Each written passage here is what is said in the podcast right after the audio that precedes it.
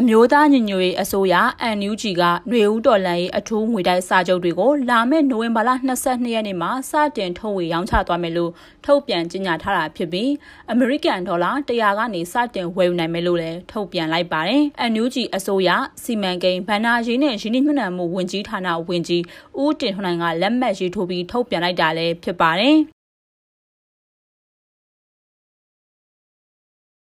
ထုတ်ပြန်ချက်ထဲမှာတော့ငွေတိုက်စာချုပ်တွေကိုအမေရိကန်ဒေါ်လာ100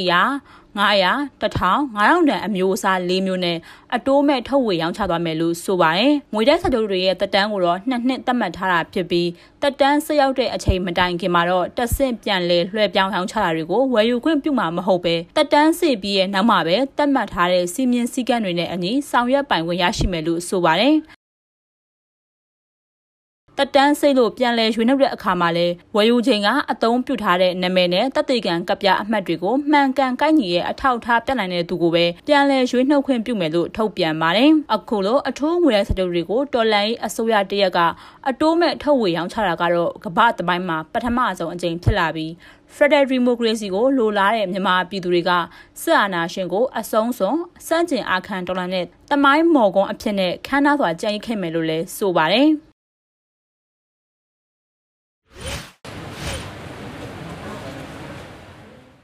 စစ်ကောင်စီလက်အောက်ခံစီးပွားကူတန်းဝန်ကြီးဌာနကတော့နိုင်ငံခြားကုမ္ပဏီမြန်မာနိုင်ငံသားတွေနဲ့နိုင်ငံခြားသားပေါင်းစည်းဆောင်ရွက်တဲ့ကုမ္ပဏီတွေကိုပြည်တွင်းမှာလက်လီလက်ကားရောင်းချခွင့်ပြုတဲ့ဦးစားပေးကုန်ပစ္စည်းအုပ်စုစည်းရင်ကို2021ခုနှစ်နိုဝင်ဘာလ12ရက်နေ့ရက်စွဲနဲ့ပြန်လည်ထုတ်ပြန်လိုက်ပါတယ်။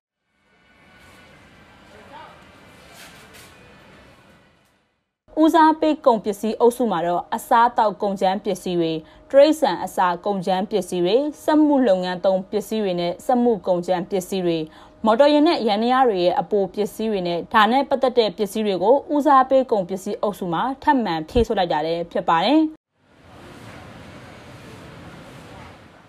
ဒါကြောင့်လည်းနိုင်ငံခြားကုမ္ပဏီမြန်မာနိုင်ငံသားနဲ့ နိုင်ငံခြားသားပေါင်းစည်းဆောင်ရွက်တဲ့ကုမ္ပဏီတွေကိုလက်လီလက်ကားရောင်းချခွင့်ပြုတဲ့ဦးစားပေးကုန်ပစ္စည်းအုပ်စုကိုလည်းဖြည့်ဆွတ်ထုတ်ပြန်လိုက်တာလည်းဖြစ်ပါတယ်။ဒီထဲမှာတော့လူသုံးကုန်ပစ္စည်းတွေအဝတ်အထည်နိုင်နဲ့အလှကုန်ပစ္စည်းတွေအပါအဝင်စားတောက်ကုန်ပစ္စည်းတွေလေယာထွက်ကုန်ပစ္စည်းတွေနိုင်ငံရဲ့လိုအပ်ချက်အရတင်သွင်းရောင်းချခွင့်မပြုတဲ့ပစ္စည်းတွေကလွယ်ပြီးရေထွက်ကုန်ပစ္စည်းတွေ တရိတ်ဆန်ထွက်ကုန်ပစ္စည်းတွေအသင့်စားသုံးနိုင်တဲ့စတောက်ကုန်တွေအချိုရည်အမျိုးမျိုးပြည်တွင်းမှာထုတ်လုပ်တဲ့ရမကာတွေစားတောက်ကုန်ကျန်းပစ္စည်းတွေလည်းပါဝင်တယ်လို့ထုတ်ပြန်လိုက်တာဖြစ်ပါတယ်။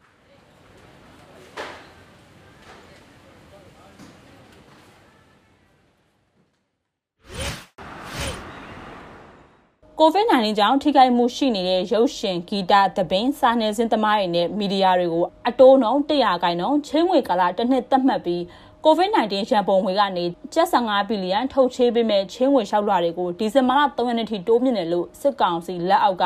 COVID-19 ကြောင့်ဖြစ်ပေါ်နိုင်တဲ့စီးပွားရေးတက်ရောက်မှုတွေပေါ်ကုစားရေးလုပ်ငန်းကော်မတီကထုတ်ပြန်လိုက်ပါတယ်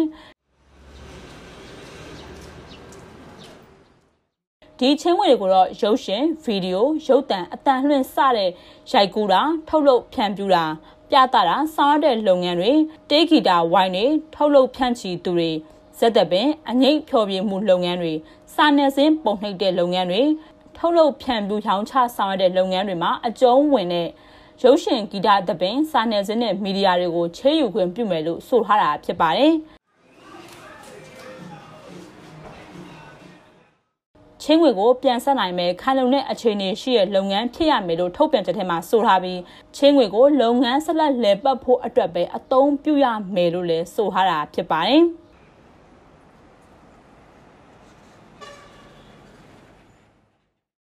ကုမ္ပဏီဖြစ်ရင်ကုမ္ပဏီမှတ်ပုံတင်ရုံးကမှတ်ပုံတင်စည်းရင်းကနေဆိုင်းငံ့ခံရတာဒါမှမဟုတ်မှတ်ပုံတင်စည်းကနေပယ်ဖြတ်ခံထားရတဲ့ကုမ္ပဏီမဖြစ်ရဘူးလို့လည်းထုတ်ပြန်ချက်ထဲမှာဖော်ပြပါတယ်။ ချင်းဝင်ကိုတော့ပြန်လည်ဆက်နိုင်ခြင်းမရှိရင်တည်ဆဲဥပဒေနဲ့အညီအရေးယူဆောင်ရွက်မဲ့အပြင်ချင်းငွေရယူထားတဲ့ကုမ္ပဏီဒါမှမဟုတ်လုပ်ငန်းတွေအနေနဲ့တော့ချင်းငွေပြန်ဆက်မှုမှာပြက်ကွက်ရင် negative ဈေးအနေနဲ့ထည့်သွင်းခံရမှာဖြစ်ပြီးဘဏ်ဒါမှမဟုတ်ဘဏ်မဟုတ်တဲ့ငွေကြေးအဖွဲ့အစည်းတွေအသေးစားငွေကြေးလုပ်ငန်းတွေကနေချင်းငွေမရယူနိုင်အောင်စီစဉ်သွားမယ်လို့လည်းထုတ်ပြန်ထားတာဖြစ်ပါတယ်။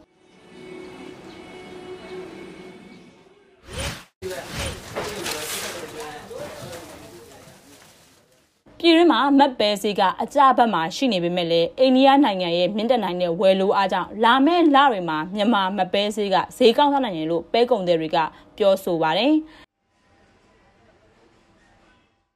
အိန္ဒိယပဲဆိုင်တောင်သူတွေအနေနဲ့ရာသီဥတုဆိုးရွားမှုတွေကြောင့်ပဲဆုံးရှုံးမှုတွေကြုံတွေ့နိုင်တဲ့အတွက်လဲလာမယ့်လတွေမှာမတ်ပဲဝယ်လိုအားတွေကတိုးနိုင်တယ်လို့သိရပါတယ် အိန္ဒိယစိုက်ပျိုးရေးနဲ့တောင်သူများဖူလုံရေးဝန်ကြီးဌာနကမြန်မာနိုင်ငံကနေပဲမျိုးစုံတင်သွင်းခွင့်ကို2021ခုနှစ်ဒီဇင်ဘာလအကုန်ထိအတည်ပြုပေးခဲ့တာဖြစ်ပြီးကုန်ပစ္စည်းရှင်းလင်းဆိုင်ရာကိစ္စရပ်တွေကိုလည်းဖြေလျှော့ပေးထားတာဖြစ်ပါတယ်။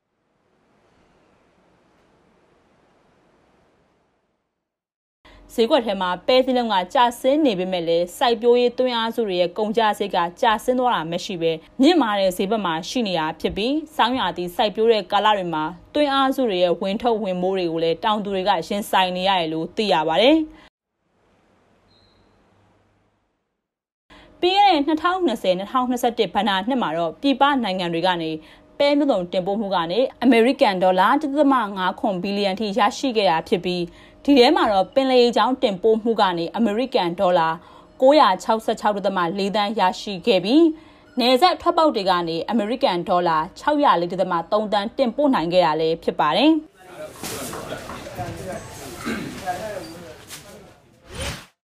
အာမြန်မာနိုင်ငံနောက်နောက်ပေါက်လောက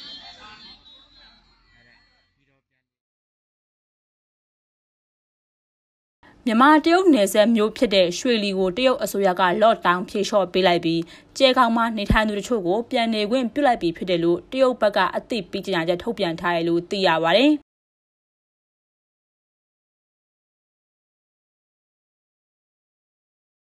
ရွှေလီမြို့ကို9ရက်အကြာလော့ဒေါင်းချခဲ့ပြီးနိုဝင်ဘာလ15ရက်နေ့မှာလော့ဒေါင်းဖြေလျှော့ပေးရလို့ယူနန်ကျမိုင်ဌာနကထုတ်ပြန်လိုက်တာလည်းဖြစ်ပါတယ်။နိုဝင်ဘာလ15ရက်နေ့မှာကျဲကောင်နေသူတွေကျဲကောင်ပြန်နေဖို့စထွက်လာခဲ့တာဖြစ်ပြီးကျဲကောင်မှာမရွှေ့ပြောင်းနိုင်တဲ့ရွှေ့ပြောင်းလို့မရတဲ့ပစ္စည်းတွေရှိတဲ့တရုတ်နိုင်ငံသားတွေ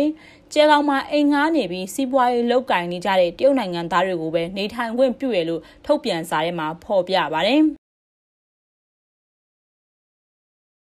ဆိုင်တွေကိုတော့စီကန်းချက်နဲ့အညီစနစ်တကျဖွင့်လှစ်ခွင့်ပြုတာဖြစ်ပြီး၃ရက်တစ်ကြိမ်ကျန်းမာရေးစစ်ဆေးခံရမှာဖြစ်တယ်လို့လည်းဆိုပါတယ်။အစားအသောက်ပစ္စည်းတွေဝယ်ရင်အွန်လိုင်းစနစ်ပါစစနစ်နဲ့ပဲဝယ်ယူခွင့်ပြုပြီးကြောက်မြတ်ရတနာအယောင်အဝယ်တွေအပါအဝင် KTV, Club, Bar, ရုပ်ရှင်ရုံ၊ဂျင်ရုံ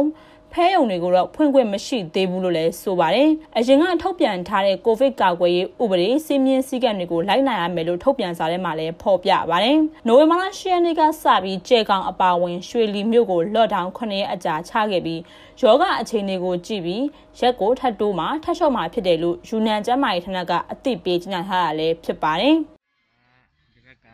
မြန်မာနိုင်ငံရဲတပ်ဖွဲ့ကလိုအပ်တဲ့အထောက်အထားတွေကို